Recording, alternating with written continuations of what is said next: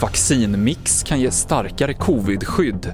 Drönarhjälp vid branden i Göteborgs skärgård och ännu en skjutning i Köpenhamn.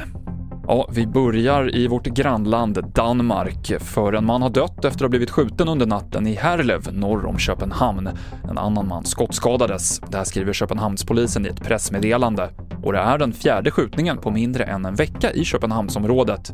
En svensk man har häktats misstänkt för en av de här skjutningarna, ett mord i Norrebro. Kustbevakningen tar nu hjälp av drönare från räddningstjänsten i arbetet med branden på lastfartyget i Göteborgs skärgård. Larmet om branden kom i lördags eftermiddag och det brinner alltjämt i det tätt staplade virket som ligger uppe på däck. Och drönare med värmekameror ska kunna hjälpa till att se var det är hetast. Tanken är att dämpa branden ytterligare och sen boxera fartyget in till hamnen. Vår reporter befinner sig just nu på ett av Kustbevakningens fartyg ute vid branden. Det kan du följa på tv4.se.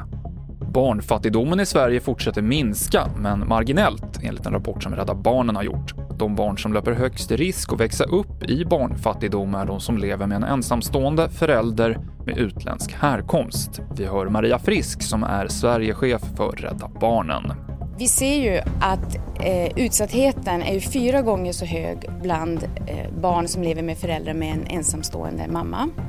Och vi ser också att är det ensamstående mamma med utländsk bakgrund så är, har det, där, där har barnfattigdomen ökat från 42 till över 49 procent. Så det är nästan vartannat barn. Det sa Maria Frisk.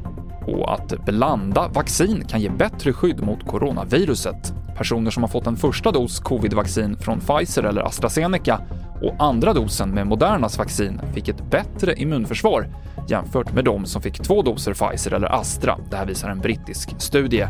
Och det här är goda nyheter för länder som inte har kommit så långt i sin vaccinering ännu och som kan tvingas att använda olika vaccin vid doserna.